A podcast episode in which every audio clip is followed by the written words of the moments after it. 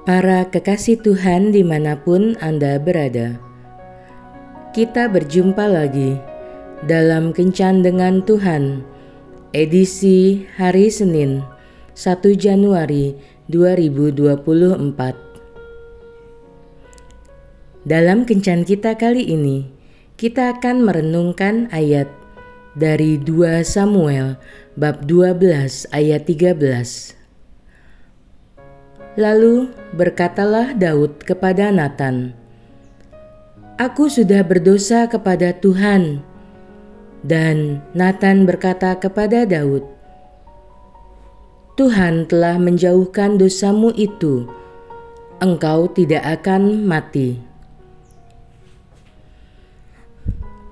Para sahabat kencan dengan Tuhan yang terkasih, pada umumnya kita tidak suka ketika diberikan teguran, apalagi ketika teguran itu menyangkut siapa diri kita dan apa yang kita lakukan.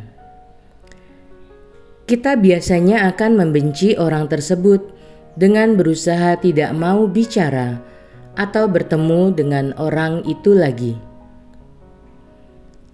Bahkan, kalau bisa, kita tidak ingin mengingat-ingat lagi nama orang tersebut.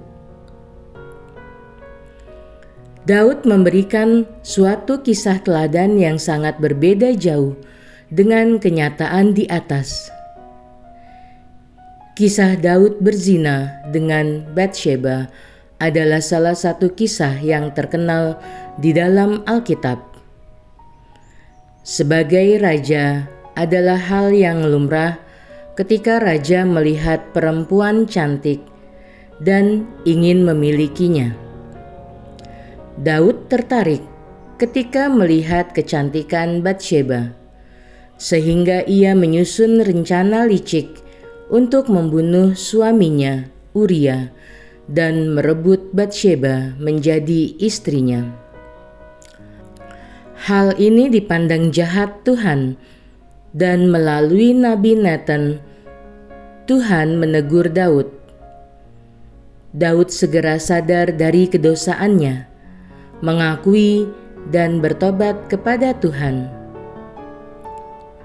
Bukti pertobatan Daud tidak sampai di situ. Ternyata Daud memberikan nama Nathan kepada salah satu anaknya yang lahir dari Bathsheba. Pemberian nama ini terkait dengan Nabi Nathan yang setia melayani Tuhan dan Daud pada masa-masa pemerintahannya.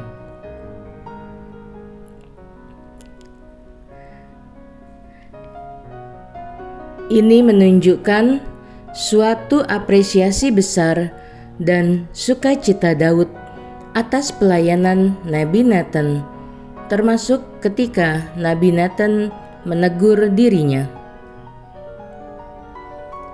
Apa yang kita lakukan ketika kita ditegur, terutama terkait dengan dosa dan kesalahan kita? Hari ini, di tahun yang baru, kita belajar. Tuhan menempatkan orang-orang di sekitar kita yang mengasihi kita untuk dapat mengingatkan kita akan dosa-dosa kita dan berbalik kepada Tuhan.